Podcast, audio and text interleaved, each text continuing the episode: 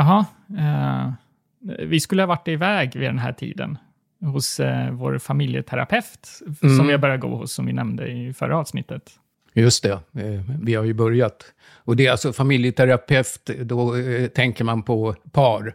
Men eh, det vi går på, de har en sån där som det är eh, föräldrar med vuxna barn. Och när det hamnar i konflikt så, så finns det det. Och jag är ju pappa och du är ett vuxet barn. Och vi har våra Undrar om du är en vuxen pappa bara.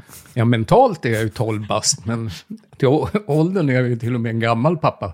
Jaha, Nej, så då blir hela avsnittet idag hela terapin då, som vi kör utan henne här. Nej, en timme. Vad hade du, för grejen är att ju, vi går ju var 14 dag, podden ko- kommer var 14 dag. Vad hade du tänkt ta upp idag?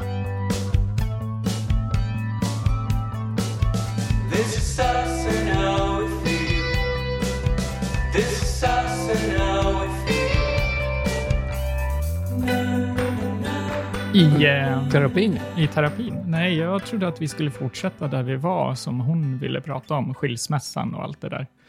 Ehm, men eh, jag eh, tänkte också att jag tänkte föreslå för henne att varannan vecka är lite för ofta. Man har åtta gånger man får gå. Och jag Mm. känner att vi, våra tvister, får hon fråga, ja, hur har det varit sen senast? Och Nej, vi, vi träffas ju inte varje dag, det hade varit skillnad.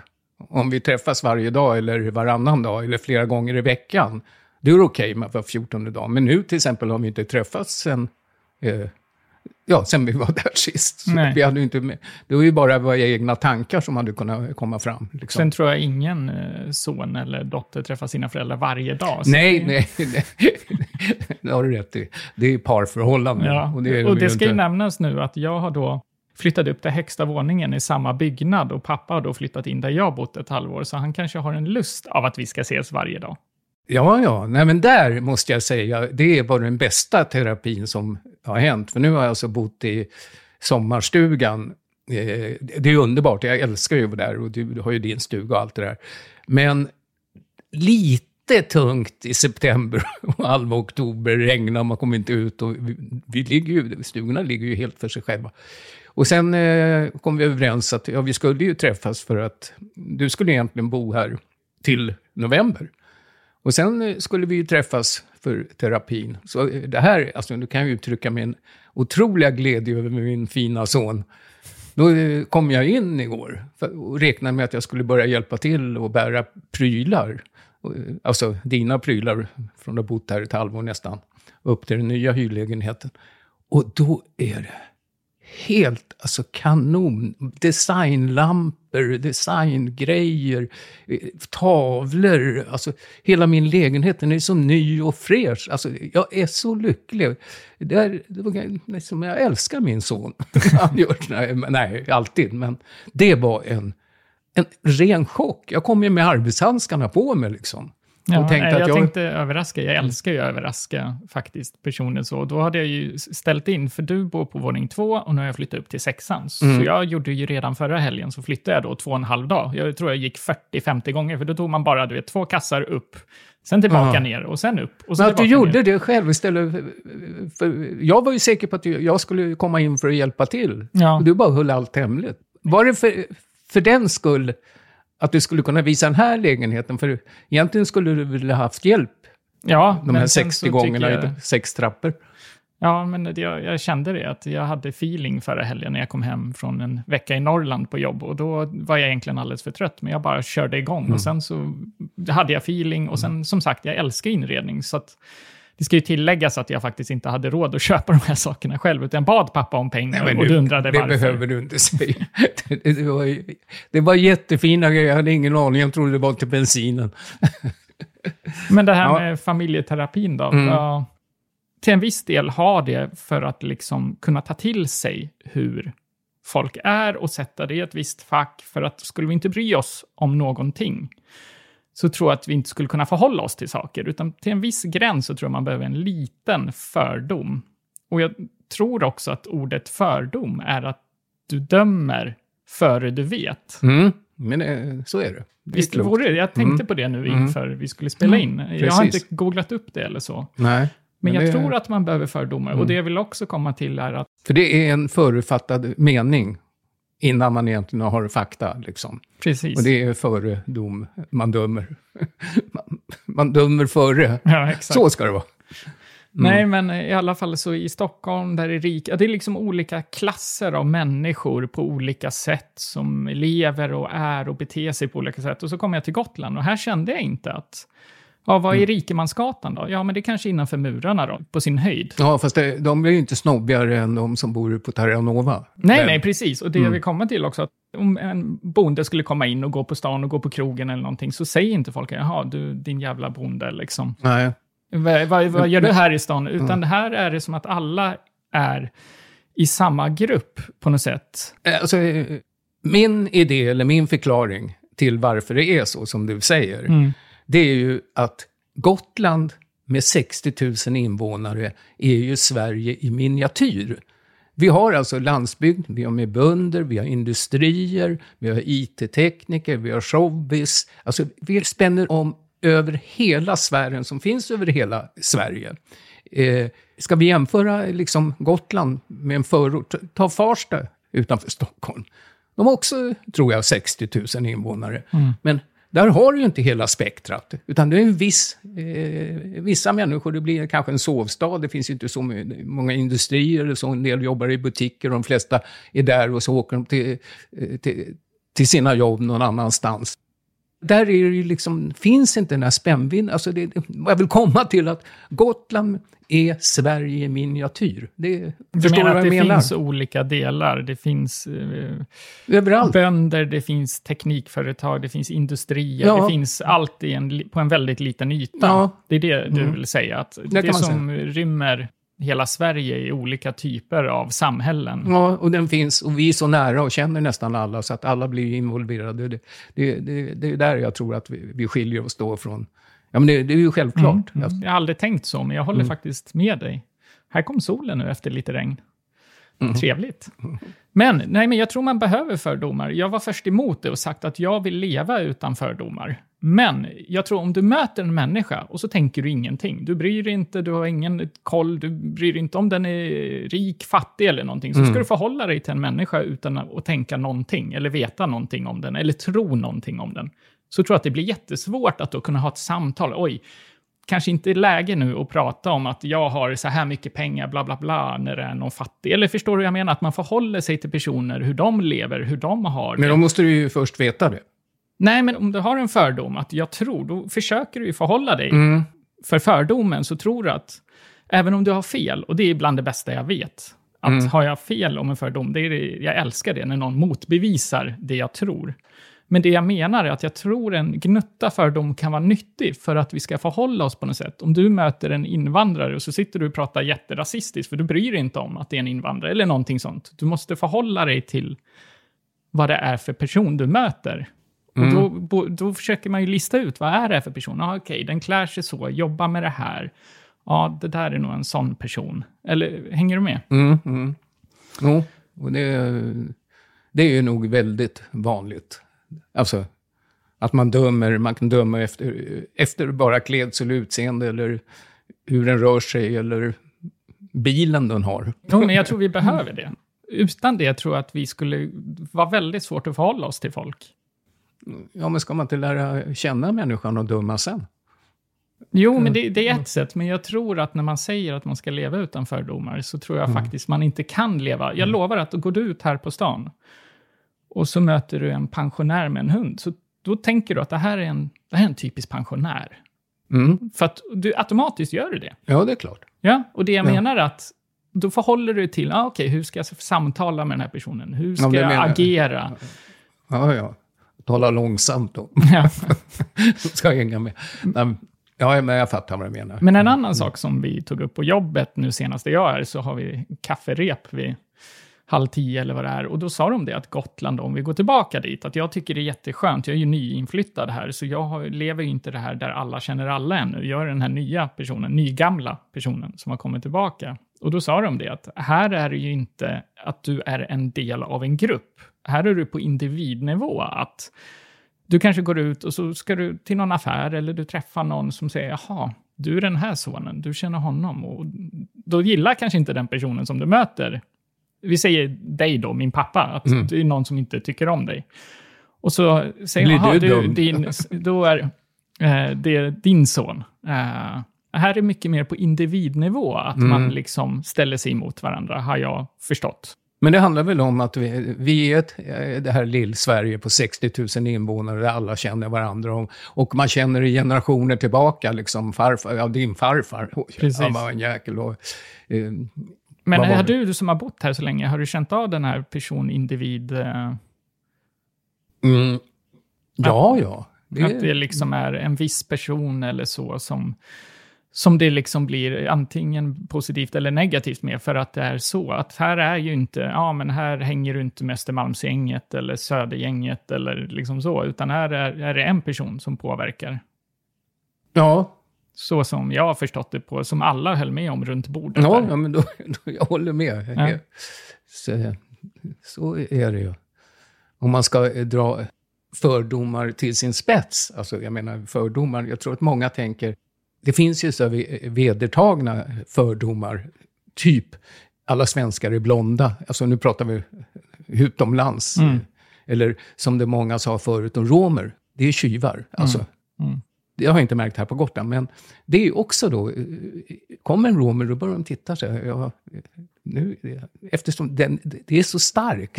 Och det är läskigt. Alltså. Och det är ju en... Nej, men du har helt rätt. Fördomar finns ju verkligen på internationell nivå. Mm. Jaha, turkar, de är på det här sättet. Mm. Eller liksom, Får jag berätta en rolig grej? ja, gör det. Är det okej? Ja. Apropå fördomar. Mm. Det här nu är en ganska lång story, men den, den är ju faktiskt kul. För det, det handlar egentligen i grund och botten om fördomar. Det var ju så när du var, jag tror inte du var tre år, eller kanske tre år. Mamma, du och jag skulle, åkte till Cypern och vi skulle ha en semester, om det var en veck, 14 dagar tror jag. Och sen kom vi buss långt ut från city. Världens tristaste ett litet hotell. Kackerlackorna sprang runt på rummet. Och det, stranden låg nära, men den var liksom bara en meter bred. Och alla hade blåsor. Inte en, inte en europé, höll jag på att säga. Inte en... Eh, eh, det var bara cyprioter alltså som var där. Man, man såg ju på hårfärg och så här. Och alla hade de blåsor och allting. Och, och vi bara kände, och sen fick vi reda på att de hade en vinfabrik bredvid, som, som hade utsläpp. Så vi började titta på varandra och på dig. Och, och det blev bara, men sen såg vi, de hade en liten reception där på ett jätteflott fartyg. Jätte med swimmingpool med hela köret. Och vi bara kände, den skulle gå till eh, Kairo, alltså Ja. man skulle till, över eh, Medelhavet till, jag vill se pyramiden och hela köret. Vi bara, vi telegraferade efter mer pengar eller ringde. Och sen eh, beställde vi, nu är jag Adam och Eva, jag måste dra allt från början. ja, men det här är ju för att vi, ja, så åker vi i alla fall, tar en taxi för några mil dit till den här båten. Sen tittar jag efter, för det enda som ligger är ett stort rostigt fartyg. och då har det inte varit vatten i poolen på de senaste 30 åren på det fartyget. Nej, men i alla fall, det var helt okej. Det fanns ju bibliotek och det fanns liksom rubbet och kasinon. Och, alltså, det var jättebra. Men när vi kommer ombord, jag hade alltså beställt, jag tänkte jag vill inte hamna i någon jävla skithytt. Utan ska vi iväg nu från det här hotellet där kackerlackorna sprang, då ska det vara fönster på hytten. Det var standard. Och det hade vi beställt. Och så vi kommer och kommer fram till receptionen. Där, alltså, nu kommer fördomen. Där araber, för det var ju de som hade, eh, eh, hade fartygen. Och jag tänkte direkt, här gäller det att vara, vara, vara, vara på sin vakt. För de luras ju bara. Så att de ger, kommer och sen ger de oss en nyckel med en jättebricka, vägde ett kilo själva brickan. Och jätteglada, vi tackade. Och, och det var också inte ner några trappor, var på samma entréplan. Och vi går till hytten, jag öppnar. Det är jätterum med garderober och soffgrupper. Och det var hur flott som helst. Men inget fönster. Tänkte jag. jag tänkte så här ser alla hytter ut. Utan det är bara det här med att det fastnade ett fönster. Så jag gick tillbaka och sa, no, no, no, no windows, no windows, I have ordered a windows. Egentligen sa de från början så här, när jag hörde dem prata, då sa de så här, åh titta, här kommer ett par med en liten baby. Vi kan väl vara schyssta och ge dem ett lyxhytt. Men jag tror alltså att de har lurat. Så jag säger, vi ska vinna. Ja, de ser jättekonstiga ut. Men va? Och då säger de egentligen, han måste ju vara knäpp. Vi har gett honom en lyxigt, men han, han ska ha den här som han har beställt. Jag tror ju bara att de luras. Att, Men konstigt är att när jag får nyckeln då, det är en liten plastbricka bara, inte väger inte ett kilo längre. Och sen är det den som hjälper oss, och vi går längre och längre ner i fartyget. Ända längst ner, där ja, araber och andra står och duschar utan luckor, alltså riktigt nere i botten. Och eh, kommer fram till, till hytten. Sen öppnar man, då gick det liksom inte, man kunde inte gå in alla tre, utan en får gå in, skjuta, de var alltså bara på två kvadratmeter ungefär. Ja. Så när man var inne så fick man gå bort till väggen och sen öppna igen, sen fick nästa mamma komma in med det ihoptryckt. Men så var det ett litet fönster i alla fall. Och där, alltså, då kunde ju inte jag säga något, så vi fick ju alltså sämsta jäkla hytten, men det var ju den vi hade betalt för. Men det var alltså en fördom. Jag trodde, ja, araber, de, det är klart att de luras. Och egentligen var de jätteschyssta. Det var en Ja. lång historia för att se att min fördom... Ja, jag kan berätta vidare på den Ja, nej, det räcker nog där tror jag. Jaha, okej. Nej, men det är verkligen så. Men, eh, men fördom är ju ganska, det är ganska negativt laddat egentligen. Men, och det jag vill säga med det är att det är inte bara negativt. Utan det finns en mening med att ha en fördom. Mm. Det är inte bara för att klanka ner på folk. Nej. Utan det är för att kunna förstå folk, tror jag. Det är utifrån vad jag tror. Mm. Att kunna försöka förstå en person du möter och därefter försöka då förhålla dig till den personen. Det är, det är min slutkontent av en fördom. Ja, men... eh, För mig är ju liksom att en fördom är ju någonting innan du vet riktigt. Utan du har bara förutsätter att den här människan på grund av att den kommer från ett visst område eller för att den har ett visst yrke eh, så har du bestämt att då är han så här eller hon. Precis. Men efter samtalet, nej men, Då va? förändras det. då förändras det. Ofta, ibland gör det ju inte det. Nej. Då stämmer fördomen. Men för att Mm. kunna starta ens ett samtal med någon så är det ju bra att försöka förhålla sig till en person då. Mm. Förstår du vad jag menar? Innan du lär känna en person så måste du börja prata med någon. Och då Ja, är det ja. bra att, då tror jag fördomen kan hjälpa dig att säga, men okej, jag tror personen är så här, vi börjar samtalet så här. Mm. Eh, okej. Och sen så märker man, nej, okej, nej, det var inte så som jag Mm. trodde. Då får man ju förändra. Ja, I och med att du då går ditt samtal i- en linje där du följer din fördom och sen ser du om den stämmer eller, Ja, för- den, eller också får du reda på att du, du var... Så får man inte tänka bara för att man har den fördomen, Nej. så att säga. Ja, jag tror jag hajar. Ja.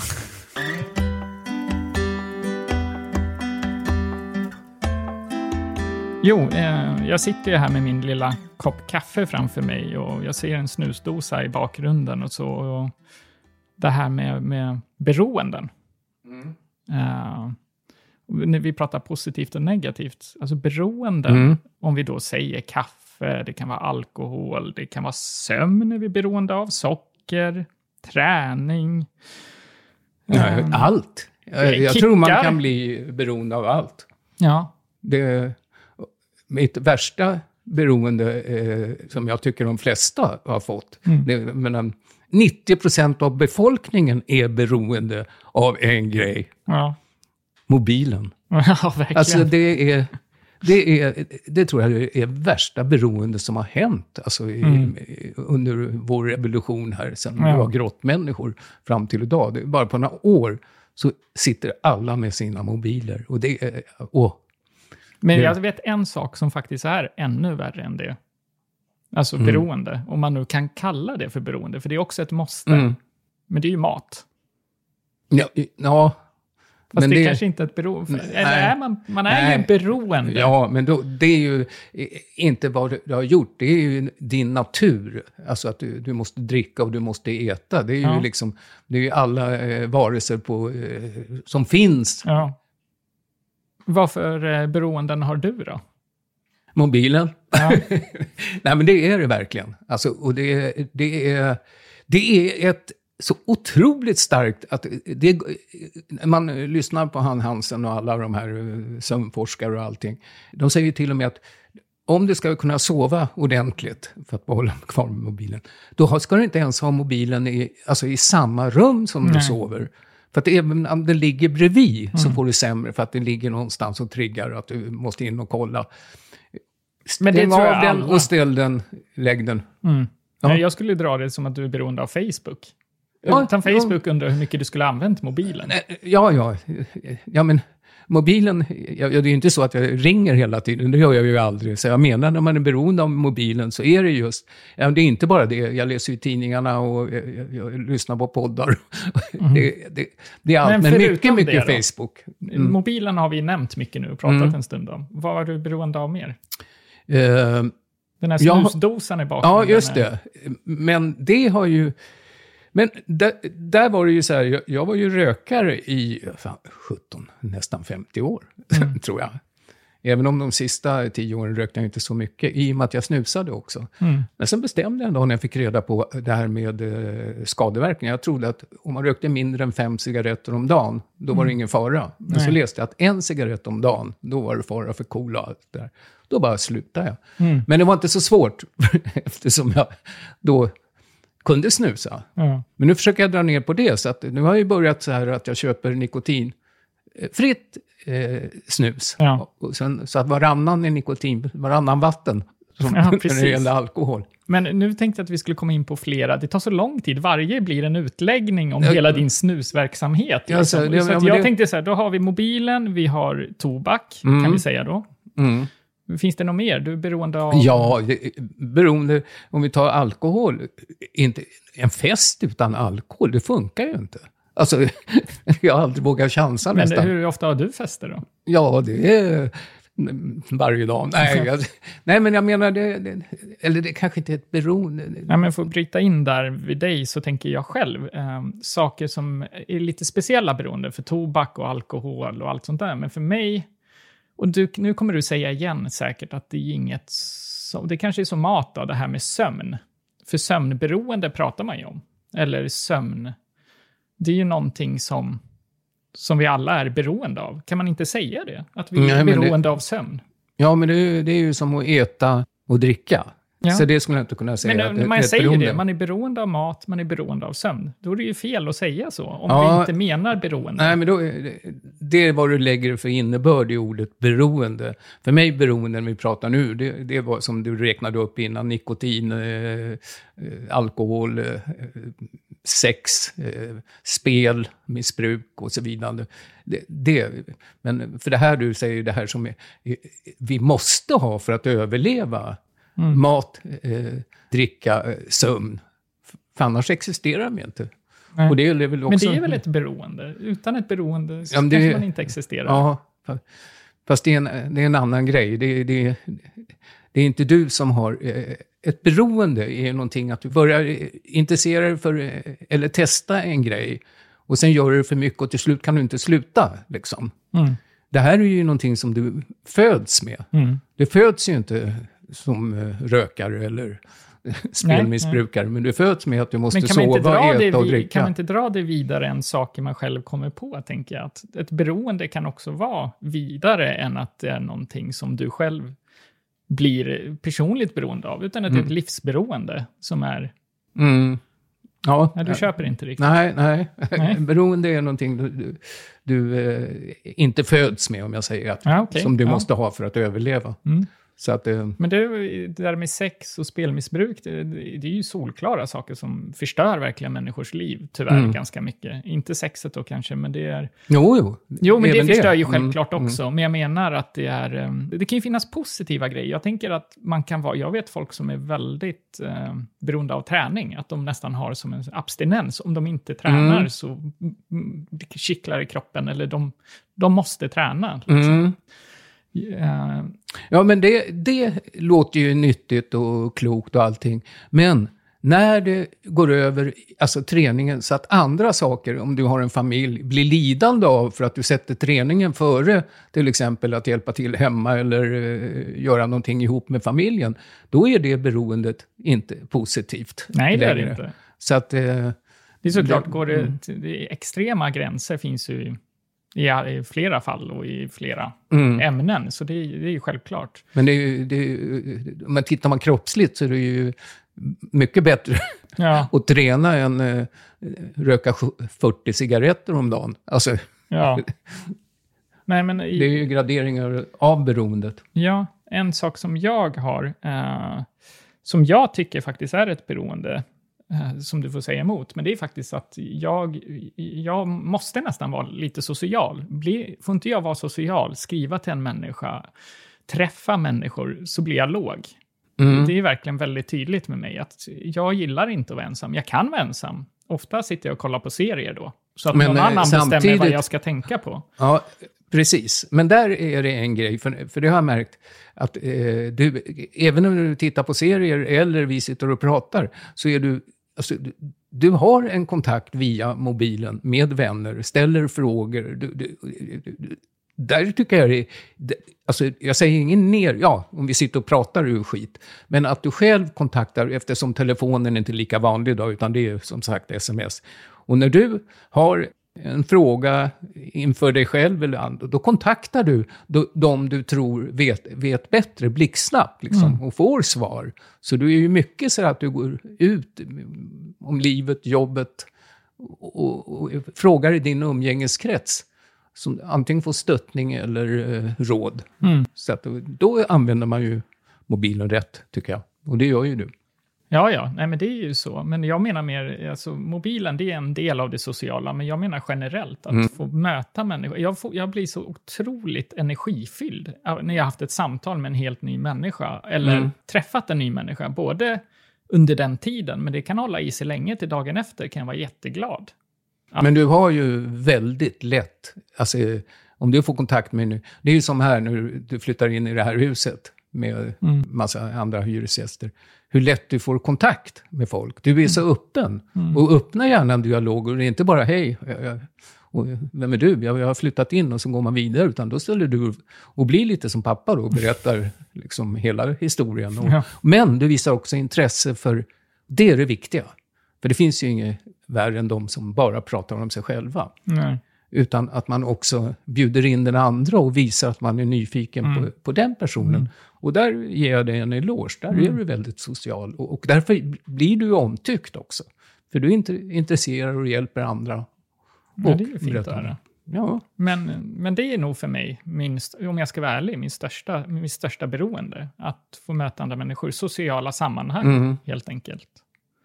Och det kan ju bli negativt, att känner man sig ensam så börjar man jaga folk. Eller, alltså, det kan ju, som du sa, när det blir extremt, det kan ju bli åt andra hållet om det blir så. ja, eh, Men, eh, ja det, alltså, just i det här, eh, om du hakar upp det på en, en grej och vill börja fråga någon om, liksom, om det är cancer, symptom på en sjukdom.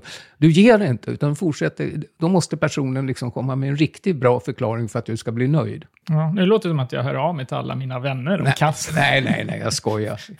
Du sa ju att jag hittade något negativt. Jag fick gräva jäkligt djupt för att hitta det här. Nej, nej, du, jag tror att alla, du, du har en bra dialog. Men har du något sånt där, eh, alltså om man tänker som inte är det här generella, vad finns det mer för beroenden som folk kan ha som... eh, Ja, jag är beroende av sommaren. Ja, hösten har jag pratat om så många gånger som helst. För att ta det lättare. ja.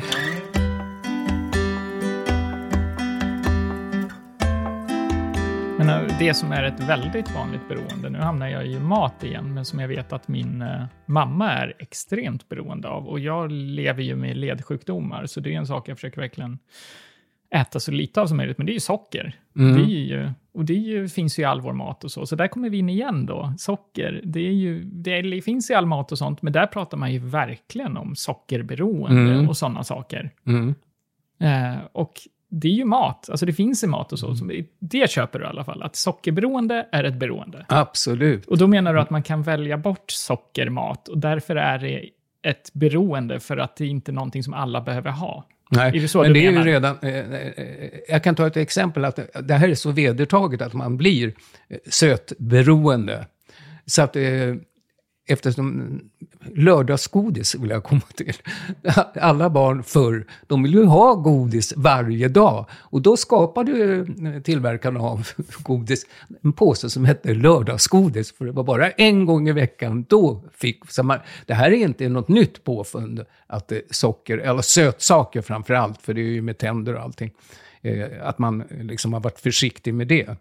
Men sen luras vi, som du säger, att eh, vi kanske väljer kost utan att veta om hur mycket socker det finns i den, men att det är det som gör att vi kanske tycker om just den här matvaran eller såsen eller vad det är.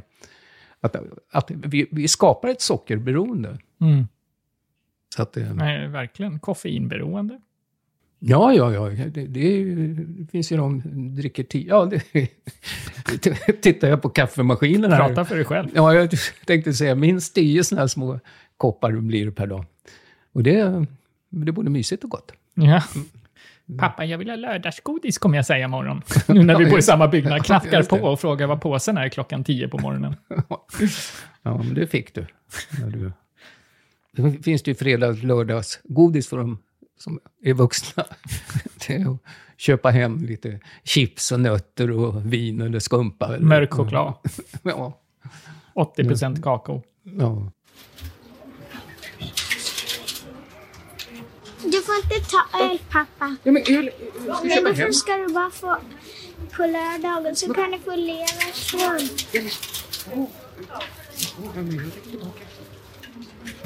Jag tänkte på det här när vi ändå var inne på beroenden och så det här, så kom vi in på alkohol igen, men det här med olika ordspråk. Eh, Varför går man ut och säger att man ska gå ut, ska vi gå ut ikväll och ta en öl?